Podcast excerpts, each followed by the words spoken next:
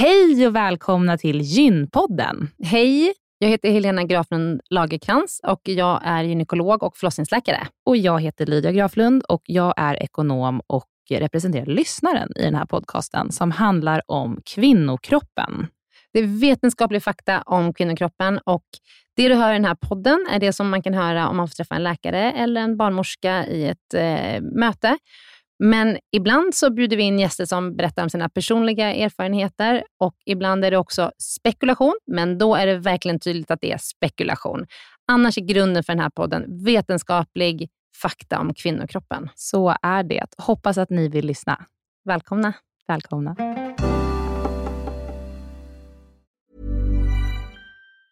Have catch yourself eating the same flavorless dinner three days in a row? Dreaming of something better? Well, HelloFresh is your guilt-free dream come true, baby. It's me, Gigi Palmer. Let's wake up those taste buds with hot, juicy pecan-crusted chicken or garlic butter shrimp scampi. Mm. Hello Fresh. Stop dreaming of all the delicious possibilities and dig in at HelloFresh.com. Let's get this dinner party started.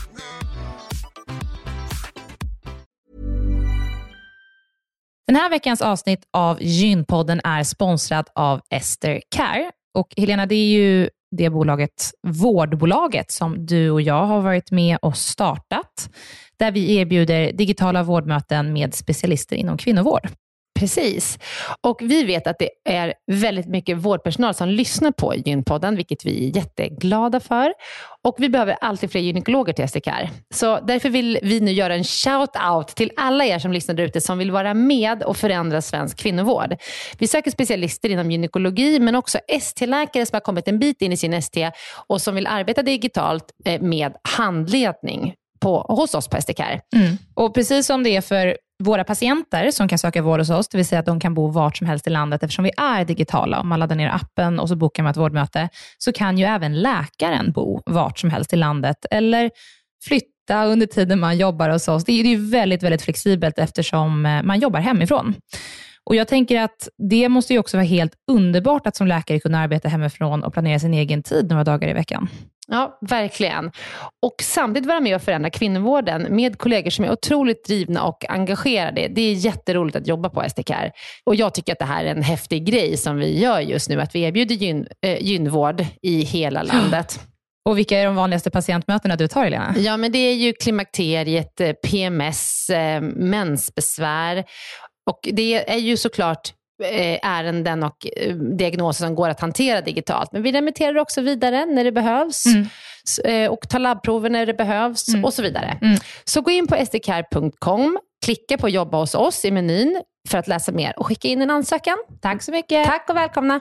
Jag tror att många känner som jag just nu en stor sorg för vad som händer i Ukraina Eh, att man känner att man vill på något sätt kunna hjälpa till, men kanske inte vet exakt hur. Ett tips från oss på Gynpodden är att bidra till flyktingarna som lämnar Ukraina just nu, vilket man kan göra via UNHCR, som är FNs flyktingorgan. Eh, krisen drabbar både barn och familjer och liv och säkerhet är i fara och UNHCR är på plats. Så man kan bidra med eh, olika typer av summor som, som kommer att hjälpa människorna som är på flykt just nu. Ett exempel är 370 kronor räcker till ett akut nödpaket som räddar eh, livet på människor som eh, är i en akut situation idag. Och eh, om man bidrar till UNHCR så eh, dubblas din gåva av Akelius Foundation. Så gå in på unhcr.se eh, och eh, bidra helt enkelt. Tack. Hej och välkomna till Gynpodden. Jag heter Helena Graflund Lagerkrans. Och jag heter Lydia Graflund och det här är en podd om kvinnohälsa. Precis. Och eh, du och jag Lydia, vi har ju en gemensam bakgrund och det är att vi är systrar. Mm, men vi har också en ganska olika bakgrund i och med att jag är ekonom och du Helena är läkare. Precis. Jag är specialistläkare inom gynekologi och förlossningsvård. Och jag är med i den här podden mer som en representant för lyssnaren och kommer med de frågor som vi tror att de flesta människor som lyssnar på den här podden undrar över helt enkelt. Du är så viktig Lydia. Mm, tack. Eh, det, eh, vi kommer ju vara med i varje avsnitt och sen kommer vi också ha en inbjuden gäst i varje avsnitt. Ja, Nu tycker jag vi kör igång. nu kör vi.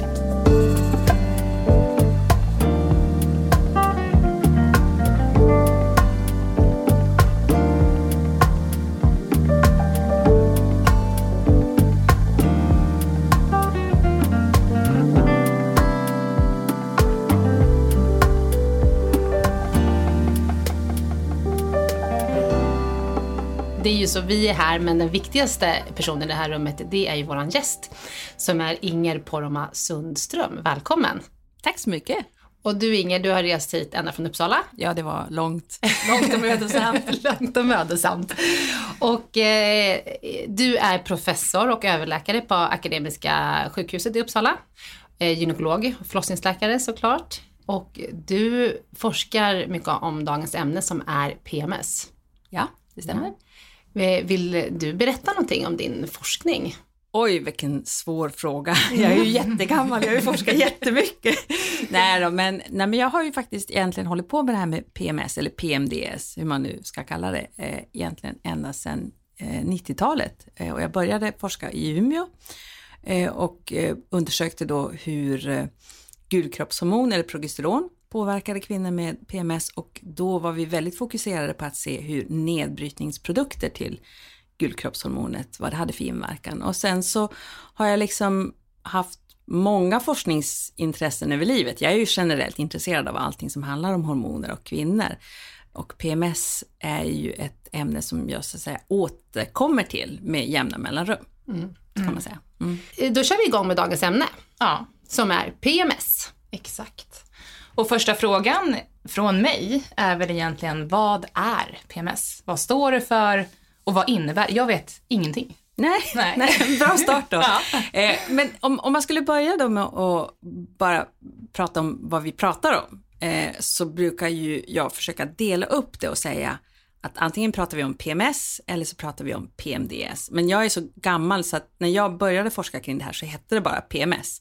Så ibland så glömmer jag bort mig och så säger jag PMS fastän jag kanske egentligen menar PMDS. Det är olika saker. Det är lite olika saker, ja. Eh, och PMS är ju då premenstruellt syndrom och det definieras som att man har någon typ av fysiskt symptom eller psykiskt symptom som regelmässigt kommer varje gång du ska ha mens, veckan innan mens.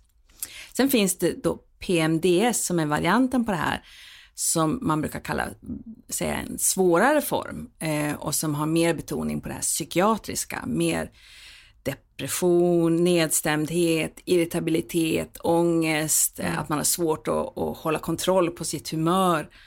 Eh, Men också det här PMDS är ju förstås också kopplat på samma sätt som PMS till mensen. Det är någonting som kommer veckan före och som sen försvinner när man får sin menstruation. Men sen kommer det en tredje svårighet och det är att om du skulle gå ut på gatan idag och fråga eh, 100 kvinnor om deras PMS så är det också så att kvinnor lägger in väldigt mycket olika saker i PMS-begreppet. För en del så kan det vara precis allt som har med mensen att göra. Så de skulle säga att om de får migrän första dagen de får mens så, så kallar de det PMS. Får de mycket mensvärk skulle en del kalla det för PMS också. Så att eh, pratar jag om PMS så handlar det om, om en lite lättare variant med psykiska, fysiska symptom före mens. PMDS, en svårare variant med företrädesvis psykiska symptom. All right. Eh, och vad, det du säger, det är det som händer då veckan innan man får mens. Vad är det som händer? Som dels då påverkar att man blir påverkad i kroppen, men också i huvudet. Mm. Den här veckan är ju en, en del i menscykeln som är ganska påverkad av att man har gulkroppshormon i kroppen. Vad är det? Gulkroppshormon är ett av de två kvinnliga könshormoner som vi har. Vi har ju östrogen och så har vi gulkroppshormon och, och jag brukar kalla gulkroppshormonet också för progesteron. Jag tror att många i Sverige känner till båda beteckningarna. Eh, Så det här är en period som är präglad av, av att vi har progesteron i kroppen. Eh, Och just den absolut sista veckan innan man får mens så sjunker progesteronet från att ha varit toppat och varit maxhögt ungefär en vecka innan man ska få sin, sin mens. Så det, det är det som händer i kroppen. Mm. Och vad har det för effekt på kroppen då? Vad är det som händer i kroppen när just det hormonet sjunker? Ja, att det sjunker är ju egentligen en förberedelse för att man ska kunna starta en en ny menscykel mm. och bli gravid så fort som möjligt. För det är ju det som hela menscykeln går ut på så länge du inte blir gravid. Att, att göra dig gravid så fort, så, så fort som det bara går. Eh, men vad som händer av att du har en lägre nivå av det här hormonet? Nej, jag skulle inte säga att det är lägre, utan, utan jag skulle nog säga att, att under de första två veckorna av menscykeln så har du inget progesteron alls. Under de två mm. sista veckorna av menscykeln så har du mycket progesteron. Men det toppar ungefär en vecka innan du får mens. Och så det är lite grann på nedåtgående, men det är ändå fortfarande högt. Mm. Så, om jag ska uttrycka det ännu enklare så ska jag säga att veckan karaktäriseras av, av att man har progesteron i kroppen. Ja, okej. Okay. Mm. Men eh, många kvinnor som också då pratar att, om sin PMS och att den är problematisk, då säger man oftast eller inte oftast, men en del tycker att det börjar redan vid ägglossningen. Mm. Kan man också säga att det ja. är PMS? Den är så... Ja. Ja. För det är nedbrytningsprodukterna som man mår dåligt av, eller är det själva progesteronet? Det vet vi faktiskt ja. inte, men, men det är väldigt tydligt. Det finns gamla studier från 90-talet där man har bett kvinnor att lämna hormonprover varje dag och så har de fått föra dagbok varje dag. Så ser man nästan hur humörsymptomen kommer nästan parallellt med att progesteronet börjar stiga direkt efter ägglossning. Mm, just det. Okay. Mm. Mm. Och PMDS är då en, bara, kan man säga, en allvarligare form av PMS. Den är under samma period och den har samma bakgrund. Men den påverkar psykologiskt?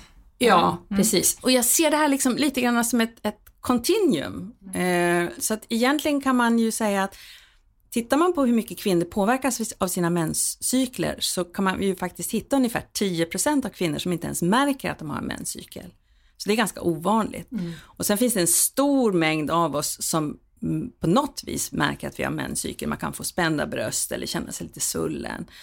Eh, och sen så kommer man ner mot någonstans 17 procent skulle säga att de har något fysiskt symptom som de tycker påverkas innan de får mens. Och kanske 3 procent har så pass uttalade symptom så att man skulle faktiskt kunna säga att de har en depression en till två veckor innan mens. Mm. Mm. Och Finns det någonting som, eh, som påverkar vilken kategori man hamnar i? För att jag märker till exempel ingenting.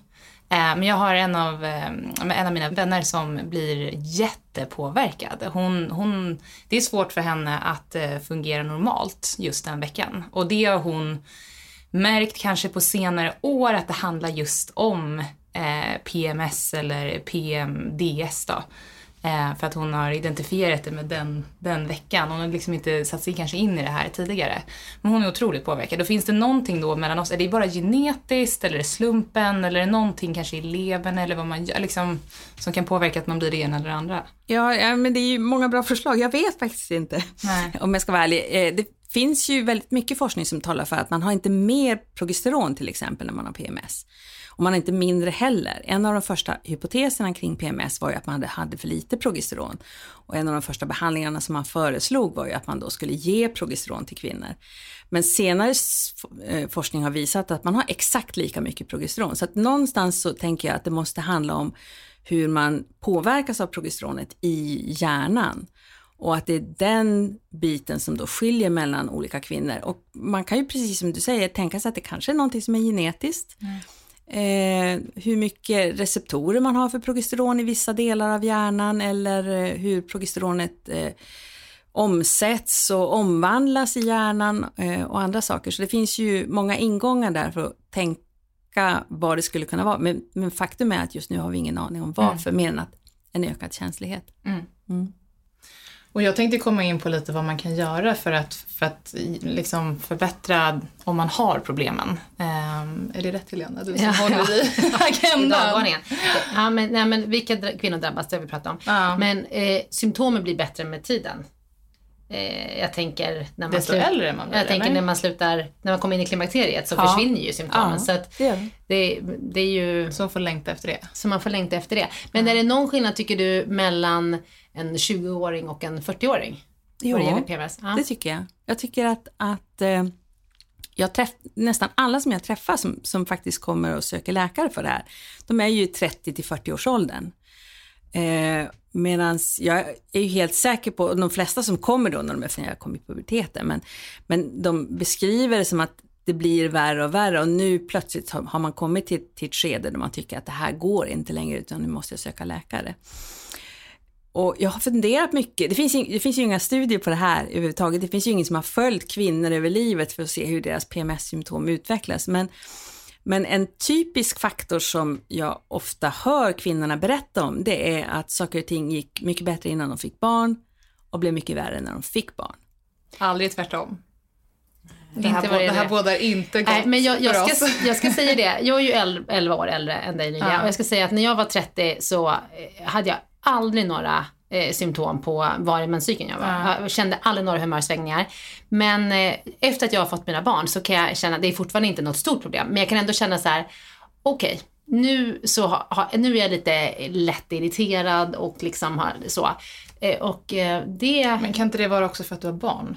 Alltså, jag menar bara att de kan ju också vara tålamodsbeprövande. Jo. Jag tänker att det kanske inte måste vara kopplat fysiologiskt, eller? Eh, nej, det kanske det inte är det, men jag, jag har tänkt att, att det är någonting som har förändrats Ja. lite så hormonellt sen, Får jag säga, svar, säga någonting ja, här? gärna. Låt experten. Vi släpper in experten. experten. Ja. Nej, men jag, jag har alltid sagt i, till, till mina patienter, precis som du säger, att just det här med att de tycker att det blir värre efter att, de får barn, har jag sagt att ja, men det är en extra pusselbit i livet, en ex- extra stressfaktor. Det är någon som plötsligt får ta konsekvensen av att du blir arg och så får du jättedåligt samvete och skuldkänsla för att du har farit ut över dina barn. Så att jag har alltid tolkat det här som att det handlar om det faktum att nu har man familj och det, det, man är i en annan livssituation. Men sen för ungefär tre år sedan så kom det en studie som visade på vad som händer i hjärnan när man föder sitt första barn. Och det är helt makalöst vilka förändringar som hjärnan egentligen genomgår vid en första graviditet.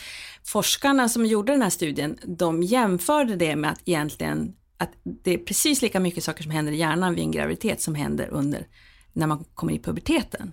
Oj. Oj. Vad kan man räkna med?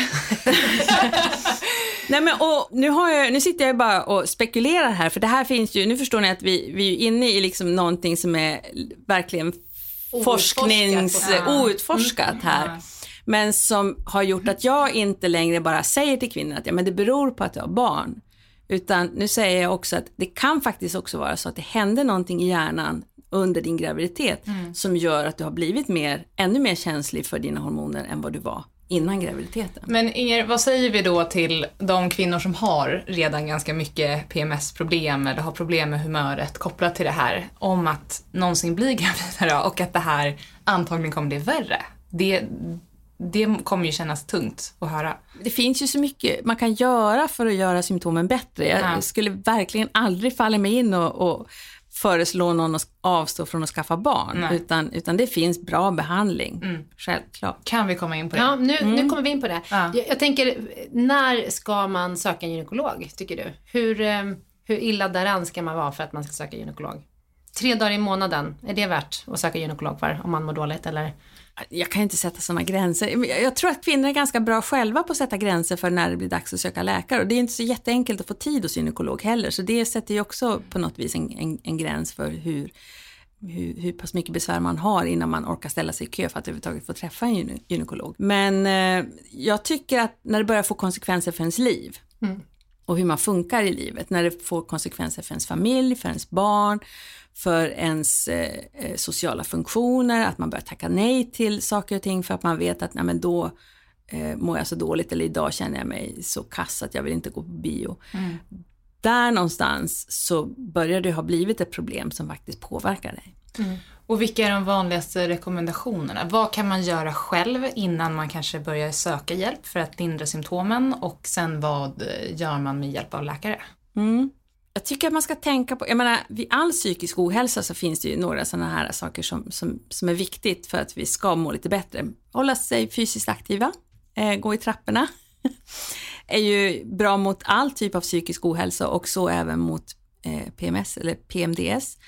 Eh, jag tycker att man ska se till att man sover ordentligt, vilket ju kan vara svårt när man har små barn, men, men eh, det är också en sån här viktig hörnsten för att vi ska må bra på dagarna. Eh, och sen brukar jag faktiskt också lägga till att man ska vara lite försiktig med alkohol. Mm. Eftersom en baksmälla är ju nästan om man, har man svåra PMS-besvär kan man ju nästan känna igen hur det aktiveras vid en, en om man har druckit för mycket alkohol. Mat? Påverkar någon mat? Diet? Nej, inte som jag känner till. Eh, det finns ju mycket, det har ju gjorts studier på kalk och D-vitamin och sådana där saker. Eh, men ja, de, eh, som, ja, ja, eh, nu sitter jag och hummar här liksom. Men Eh, inget särskilt. Inget, Nej. inget som du rekommenderar? Men, men den vännen som jag har då, som, hon är otroligt fysiskt aktiv. Hon är ute och springer hela tiden. Och hon äter bra och hon dricker inte så mycket. Men hon har ju ändå ganska mycket symptom. Då kanske man bör söka hon, gynekolog. ja, det låter ju nästan så. Ja, och vad gör man då? Vad händer när man kommer till doktorn? Ja, exakt. Vad får man för hjälp? Precis. Det, det första man måste ju göra är ju fundera på att det verkligen är PMS eller PMDS. För att det jag tycker när man träffar de här kvinnorna är ju att när de kommer så är inte frågan, då, då har de ju ändå på något vis visat att det här är så svårt att, att jag behöver läkarhjälp. Så jag tycker inte att man behöver fundera på om det är PMS eller inte. Men det man behöver fundera på det är ju, är det PMS eller är det en depression? Eller har hon fått ett ångestsyndrom? Eh, så Kan det- inte det vara på grund av PMS då? också? Ja, kvinnor som, som har PMDS har en ökad risk att få bli deprimerad eller få ångest eh, också. Och, och tvärtom, har man tidigare varit deprimerad har man också en ökad risk att få PMDS. Men som, när man träffar kvinnan så är det ju viktigt att veta vad det är man ska behandla. Så att antingen så får man vara väldigt, väldigt noggrann när man pratar med patienten och verkligen checka att de blir bra också varje månad. Mm, just det. Efter den här tiden ja. Ja, när mensen kommer så Ja. en till två dagar, men sen så ska det ju faktiskt ge med sig och så ska man bli i stort sett helt bra. Mm. Så det är ju jätteviktigt, för är det så att man bara blir lite bättre, men inte helt bra, då kan det ju faktiskt vara en depression som man är på väg in i. Just det. Men hon blir helt bra. Ja. Det är väldigt tydligt, hon kommer veta exakt vem det är jag pratar om när hon lyssnar på det här avsnittet. Men hon blir helt bra. Ja, vad bra. Då kommer ju hon få sin diagnos och Exakt. sin eh, behandling här Exakt. i podden. Ja. Ja, så det är det Nej, men första. så, så det är väl det första man måste liksom, och ibland kan man ju, om man är osäker så kan det finnas en del, eh, jag ser ju att en del eh, av mina patienter använder olika typer av mensappar då för att registrera det här så att de verkligen känner sig trygga med att det här bara kommer före mens och att det inte kommer vid andra tidpunkter under menscykeln. Så det är många som har med sig sånt och visar mig.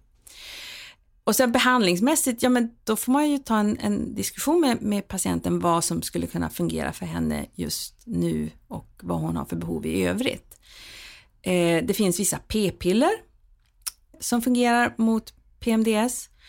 Men jag tycker att eftersom de flesta kvinnor som kommer till läkare, de är ju någonstans i 30-årsåldern, då tycker de att de har vuxit ifrån p-piller lite grann. Alltså de är inte så jätteintresserade. Men skulle man vara 20 och kanske behöver preventivmedel så kan ju det vara klockrent. Eh, Men annars det som ju man kan säga är förstahandsbehandling idag, det är ju att vi använder antidepressiva läkemedel. Och då tar man dem i 10 till 14 dagar före mensen kommer och sen så tar man dem inte i två veckor.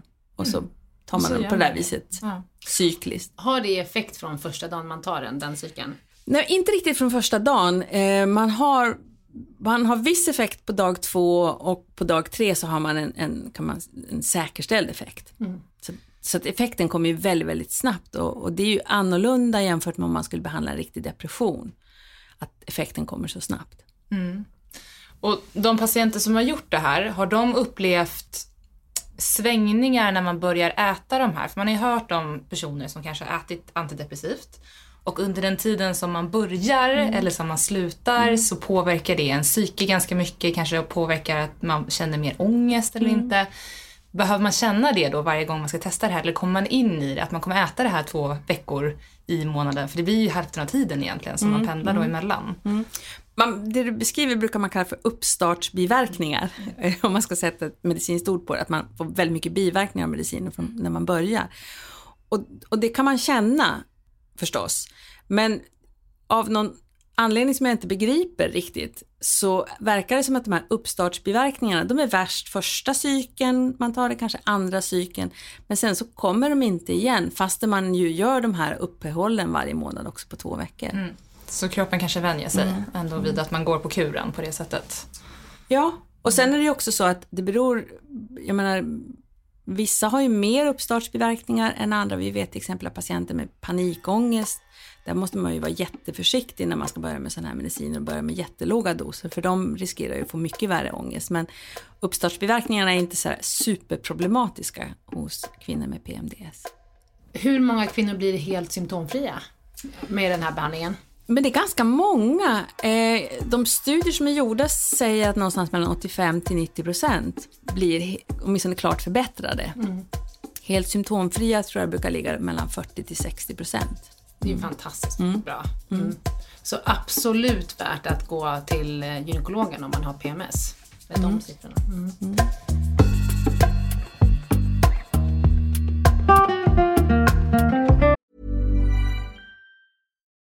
Since 2013, Bombas has donated over 100 million socks, underwear, and t-shirts to those facing homelessness. If we counted those on air, this ad would last over 1,157 days. But if we counted the time it takes to make a donation possible, it would take just a few clicks. Because every time you make a purchase, Bombas donates an item to someone who needs it. Go to bombas.com slash ACAST and use code ACAST for 20% off your first purchase. That's bombas.com slash ACAST, code ACAST.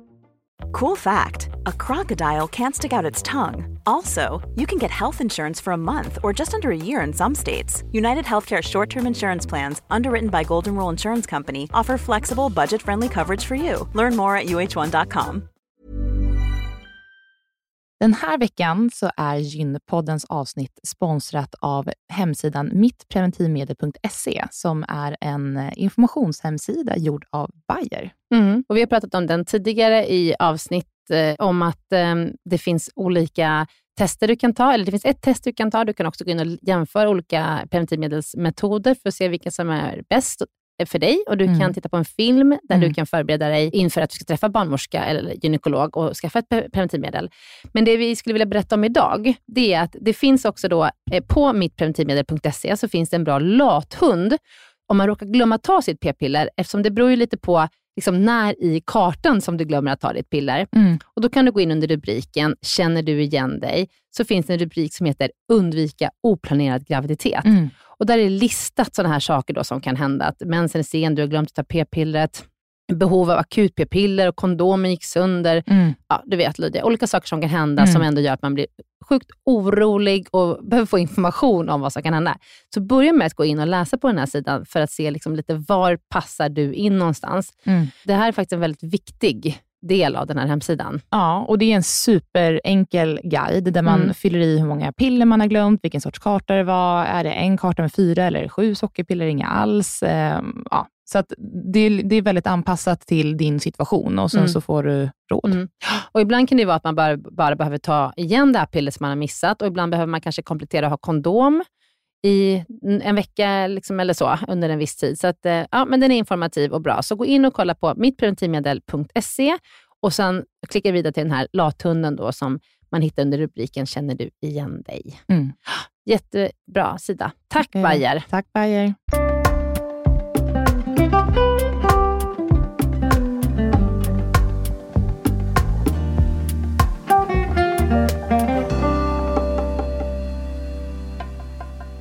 Den här veckans avsnitt av Gynpodden är sponsrat av Libress. Vi är så glada att Libress vill sponsra oss och vi tycker att Libress och Gynpodden har många gemensamma mål. Eh, Libress strävar efter att bryta tabun kring mens, vaginor och vulvor så att alla med en livmoder världen över ska känna sig stärkta och ha möjlighet att leva livet som de vill utan rädsla eller skam. Ja, det är så sjukt bra. Och Visste du Helena att Libress har tagit fram ett par menstrosor som är gjorda för att fungera i perfekt synk med din kropp och ditt flow oavsett vad den hittar på. Där grenen är absorberande, vilket betyder att du kan skippa bindor, trosskydd och tamponger oavsett vilken dag i månaden är. Och de här trosorna ger dig helt enkelt obegränsad frihet, alltså både dag och natt oavsett vad du tänker göra. De är återanvändningsbara och tillverkade för att tvättas efter användning, vilket gör dem till ett mer hållbart alternativ när du har mens. Så att om man kan blöda eller ha flytningar eller någonting som man vill ska absorberas och sen så tvättar man och sen så använder man dem igen. Ja, superbra. Miljövänligt också. Ja, exakt. Och just nu så har vi en rabattkod på 20 Om man går in på libress.se så får man 20% på ett helt köp. Och då använder ni rabattkoden gynpodden20 och den gäller till den 12 oktober. Mm. Så gå in och köp menstrosorna och alla andra bra produkter de har där inne. Jättebra. Ja. Tusen tack Libress. Tack, tack.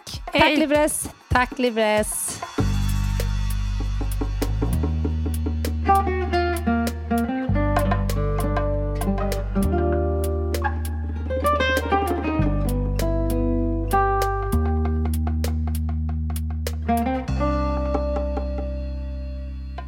Tycker jag, jag tror att jag kom in på det lite grann i början, men jag tycker att det här är ett extra intressant avsnitt just för att det känns som att eh, det går en trend i att prata mycket om hormoner och PMS och menstruation och hur man påverkas av det. Eh, och kanske har det att göra med att jag är 30 och alla mina kompisar är 30 eller så handlar det om, om skiftningar i samhället, att man pratar mer om det här. Tidigare har det varit eh, lite tabulagt och det har varit för intimt och för privat. Um, hur, ser, hur märker du av det här? Tycker du att det här kommer mer till ytan än tidigare? Du har ju varit inne i det här området så länge. Ja, jo, nej men det tycker jag. Och, och det är två saker som jag tänker på. Det, det ena är ju, jag, menar, jag har ju jobbat sedan början på 90-talet eh, och den ena saken som är viktig tycker jag är ju att vi pratar om psykisk ohälsa på ett helt annat sätt än vad man gjorde förut. Mm. Eh, när jag började med PMS så var det ganska vanligt att vi träffade kvinnor som inte alls hade PMDS eller PMS utan som kanske var deprimerade eller hade ångest men som inte pallade riktigt att söka för det och så tyckte man att det var lite lättare att gå till gynekologen och säga kan inte det här vara PMS? Eh, och den andra saken som jag också ser när man har jobbat så här länge det är ju att jag tycker att kvinnor är mycket mer pålästa och intresserade av hur deras kropp fungerar och hur det hänger ihop med hormoner. Så det är ju mycket roligare att vara läkare idag mm. med pålästa kvinnor som, som jag träffar. Det är det jag. alla ålderskategorier eller är det några särskilda? Nej men det är ju de yngre. Ja. Det, det, är de yngre. Mm. Är jag en av dem? Är jag fortfarande yngre? Ja. Jag är 30. Vad är det relevanta frågan är för första gången i livet. Jag fyllde 30 för ungefär en månad sedan mm, så jag känner att det känns ovanligt mm. ändå att vara på den mm. sidan av mm. 2030. Lydia, du är fortfarande ung. Hur länge får jag höra det? Ja, du kommer ju alltid vara 11 år yngre än vad Exakt. jag är. Så, att, så att det är väldigt relativt och påverkar ju hur du känner dig. Ja. ja, men det är samma sak tycker jag också. Just kvinnor som söker för, för klimakteriebesvär är ju också långt mycket mer pålästa idag än vad de var på 90-talet. Mm. Och där är du ung, Helena. Just det. Ja, jag har några år till klimakteriet. Ja, känner mig ung lite till. Ja. Inger, sen en annan grej som jag har tänkt på, det är att jag ibland eh, tänker att kvinnor generellt skyller väldigt mycket på sin cykel. Vi pratade lite om det här tidigare, men att man liksom säger, ja ah, men jag känner mig i hormonell obalans, hör man ofta. Känner, vad ska jag göra? Jag, jag är i hormonell obalans, jag känner mig lite deppig, jag är så trött och liksom så. Det är lite av en slasktratt kanske. Ja, När man inte förstår vad ja. det annars kan vara så tänker man att det är, det är hormonerna. Ja. Har, har, du någon tanke kring det? Vad är liksom kvinnor e, egentligen vad kan man skylla på hormonerna och vad är liksom andra faktorer runt omkring? Är det just PMS eller finns det någonting annat som du tycker i cykeln som man liksom kan känna av sådär? Förstår du vad jag menar? Uh, ja, men jag, jag tror också att det är viktigt att tänka på att även om man nu kan koppla PM, PMS eller PMDS väldigt tydligt till hormoner så är det ju också så att det här är ju en, en åkomma som ju inte är opåverkad av hur man har det i livet i övrigt. Nej. Så, så man kan ju träffa kvinnor som har under en period jättesvåra PMDS-besvär men sen så händer någonting, man byter jobb, man skiljer sig, eh, andra saker i livet inträffar och plötsligt så blir, kan besvären förbättras eller, eller kanske försämras. Mm. Så det är ju inte så att det här är bara för att, ja, det är inte isolerat utan det påverkas ju av hur vi har det omkring oss i övrigt. Det är ju mm. viktigt att, att, ta med sig. Mm. Sen det här med hormonell obalans som du mm. tog, tog upp, det är ju mitt favorithatuttryck ja. om, jag, ja. om jag får Men säga det. Mitt också, för jag vet mm. inte riktigt vad man menar med det. Men det är för att man själv inte förstår vad man menar. Nej. Jag tror att det används lite som IBS när man har ja. ont i magen. Ja. Att så här, du har utrett allt annat, du vet inte vad det är. Eller utrett kanske inte hos liksom alla doktorer som går, men du, du försöker förstå vad det är och så tycker du att det, det bara är någonting. Och då vet man så lite om hormoner och kanske hur de påverkar kroppen och då tror man att det har med det att göra. Och jag ja. tror att det är det som också leder till att det finns ett stort intresse kring det här nu. Mm. Att man försöker ta reda på hur mycket kan härledas av att man har problem med sina hormoner eller att det är de som påverkar kroppen på ett specifikt mm. sätt. Mm. Men Och jag, jag tycker egentligen att, att ja, men begreppet är ju harmlöst så länge man inte liksom säljer någonting med det eller så länge man inte försöker skapa för, för mycket förväntningar kring begreppet. Jag skulle säga så här att varje kvinna som eh, har regelbunden mens, hennes könshormoner är i perfekt balans. De gör precis det de ska göra. Eh, och det finns inte heller, jag kan inte heller testa för hormonell obalans som det beskrivs då på, på webben eller annat. Eh, för, för det är inget medicinskt begrepp. Man kan inte undersöka om man har relativt mycket östrogen eller relativt lite östrogen eller relativt lite progesteron. Det finns ingen sån koppling till att det skulle få oss att må bättre eller sämre. Eh, det har gjorts jätte jag tror jag sa det tidigare, men det har gjorts jättemycket studier just för att fastställa om kvinnor med PMS har för mycket eller för lite progesteron. Och man har ju också tittat på om balansen mellan östrogen och progesteron på något vis varit rubbad, men det är ju inte så. Liksom. Så, att, så att det är kanske är ett bra sätt för att förklara att man inte mår bra, att man tror att det kan bero på ens hormoner. Men, men om vi pratar östrogen, progesteron, är menscykeln regelbunden, då är det fine. Nu har, vi, nu har vi liksom fastställt det en gång för alla i den här podden. Har man regelbunden mens så då är i varje fall könshormonerna i, i fas så att säga. Ja, men de kan ju fortfarande påverka dig på olika Jo, sätt. jo, absolut. Eh, som, som kanske har med dem att göra. Att du, får, att du kanske får dålig hy eller att du, eh, jag vet inte, ja men PMS, det är ju också kopplat till det. Så att vi säger ju inte, alltså vi disregardar ju inte alla symptom man kan få av hormonerna. Nej men absolut inte. Och det finns ju andra tillstånd som ni säkert kommer att prata om i något annat avsnitt som PCOS. Där vi brukar, där kan vi prata om att man har en, en obalans mellan manligt könshormon och kvinnligt könshormon. Så, att, så att det är ju inte så att det är fel i alla sammanhang. Men just kring PMS och PMDS så, så handlar det mer om känslighet i hjärnan. Hur känslig man är för sitt gulkroppshormon.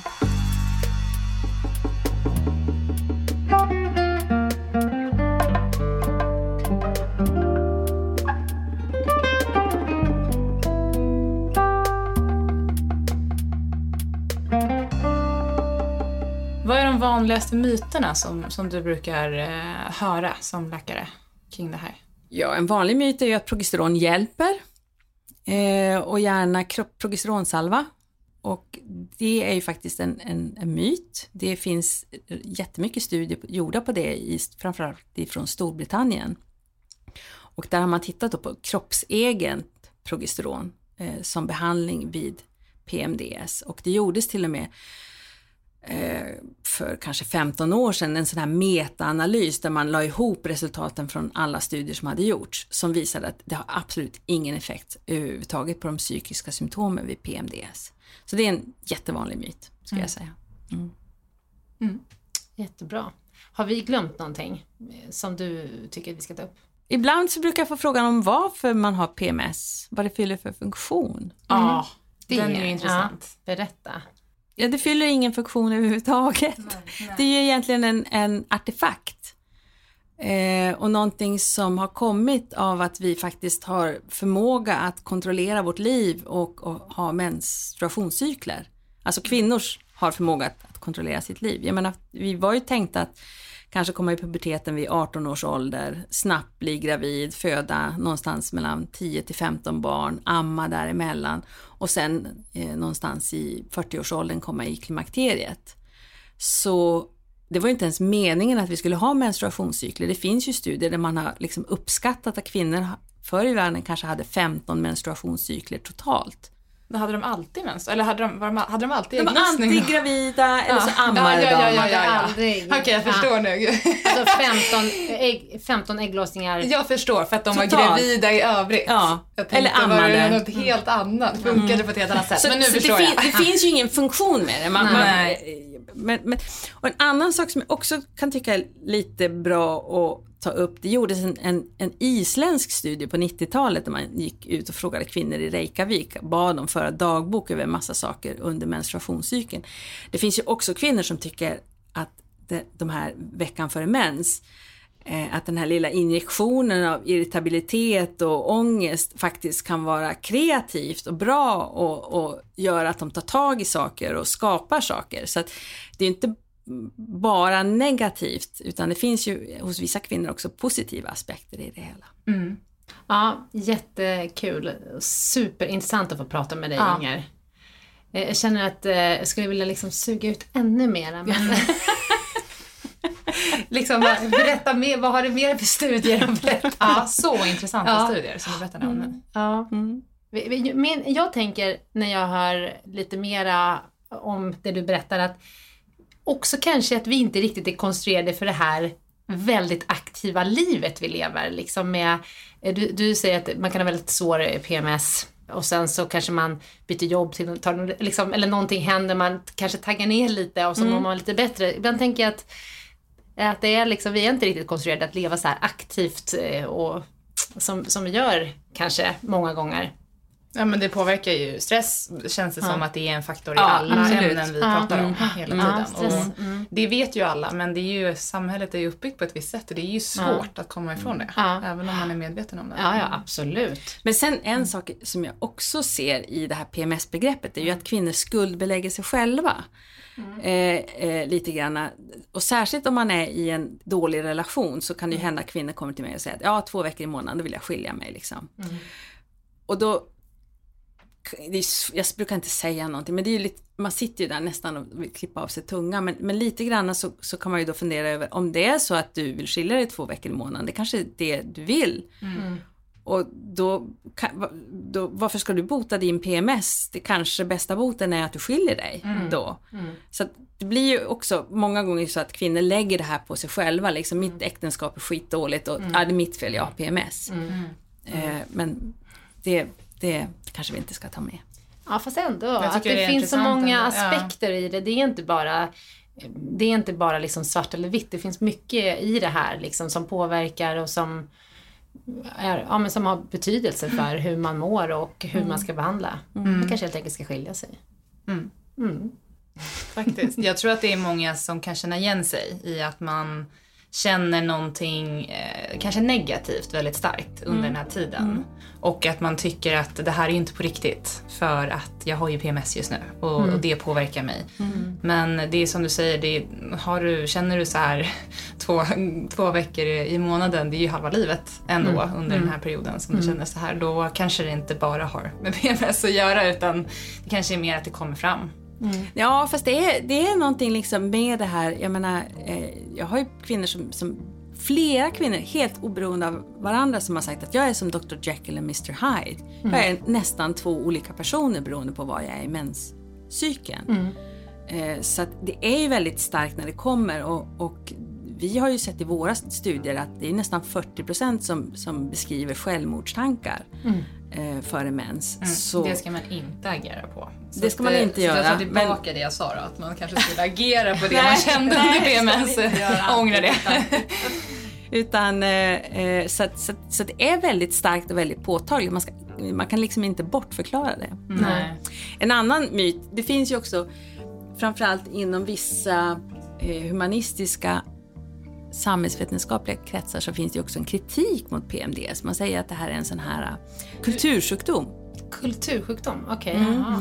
Eh, ungefär som elallergi och amalgamsjuka och såna här sjukdomar, hysterin, ni vet, som gjorde att man tog bort eh, kvinnornas livmoder i början på 1900-talet. Eh, och det är ju min bestämda uppfattning att jag tycker inte att det här är en kultursjukdom. Man, man har sagt att det här är någonting som läkemedelsindustrin skapade för att få sälja antidepressiva läkemedel. Men det, det finns så pass mycket forskning och, och de första rapporterna om PMS kom ju redan 1935 och kvinnorna har ju liksom inte de har ju inte slutat ha sin PMS över tid. Elallergi och andra kultursjukdomar har ju kommit och gått. Men det här är, är uppenbart ett kvinnoproblem som består. Mm. Det leder mig faktiskt in på en, en lyssnarfråga som vi fick in. Eh, som var, är det en sjukdom? Har det, är det fastställt som en åkomma eller sjukdom eller är det någonting man, ja, just som du pratar om, som... Ja, det är en sjukdom skulle man kunna säga. Eller ett syndrom i alla fall. Det finns ju beskrivet i det, den, den psykiatriska diagnosmanualen. Eh, och där ligger den under olika typer av depressionssjukdomar. Okej, tusen tack Inger för att du kom hit. Ja. Vi är så tacksamma och glada. Det har varit superintressant att lyssna på dig. Ja, jätteintressant. Jättestort tack. Tack.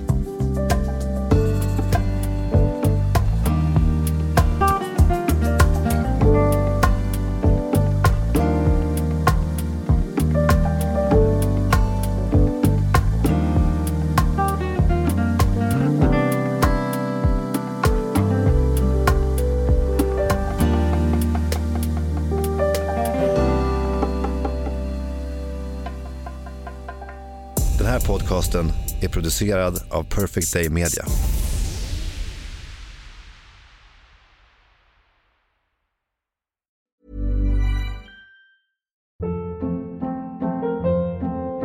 Hold up. What was that? Boring. No flavor. That was as bad as those leftovers you ate all week. Kiki Palmer here, and it's time to say hello to something fresh and guilt-free. Hello Fresh. Jazz up dinner with pecan-crusted chicken or garlic butter shrimp scampi. Now that's music to my mouth. Hello Fresh. Let's get this dinner party started. Discover all the delicious possibilities at hellofresh.com.